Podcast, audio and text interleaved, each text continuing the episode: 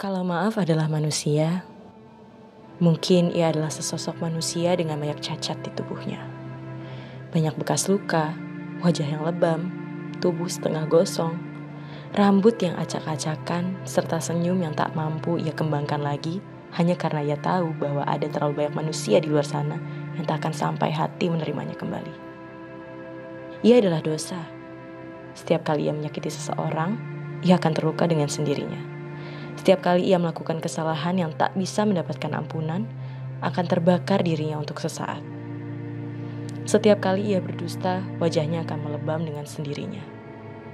Sedikit demi sedikit, hingga akhirnya tak ada lagi ruang untuk luka bersemayam pada tubuhnya.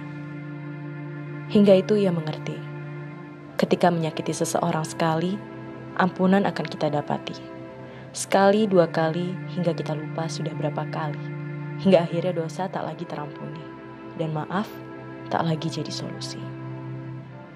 Ketika kita menyakiti seseorang, kita meninggalkan luka pada mereka. Ketika maaf kita dapatkan, luka berubah menjadi bekas luka. Rasanya memang tak ada yang salah. Toh sudah meminta maaf kan? Namun kita adalah manusia yang kerap lupa untuk belajar. Hingga akhirnya melakukan kesalahan yang sama berulang-ulang kali hingga akhirnya maaf tak bisa kita dapatkan lagi. Hingga itu kita mengerti. Kalau maaf itu manusia, mungkin ia adalah sesosok manusia dengan banyak cacat di tubuhnya.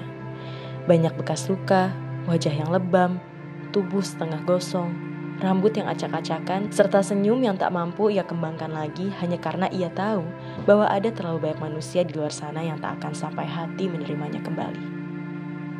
Ia adalah dosa untuk banyaknya luka yang akan membekas selamanya.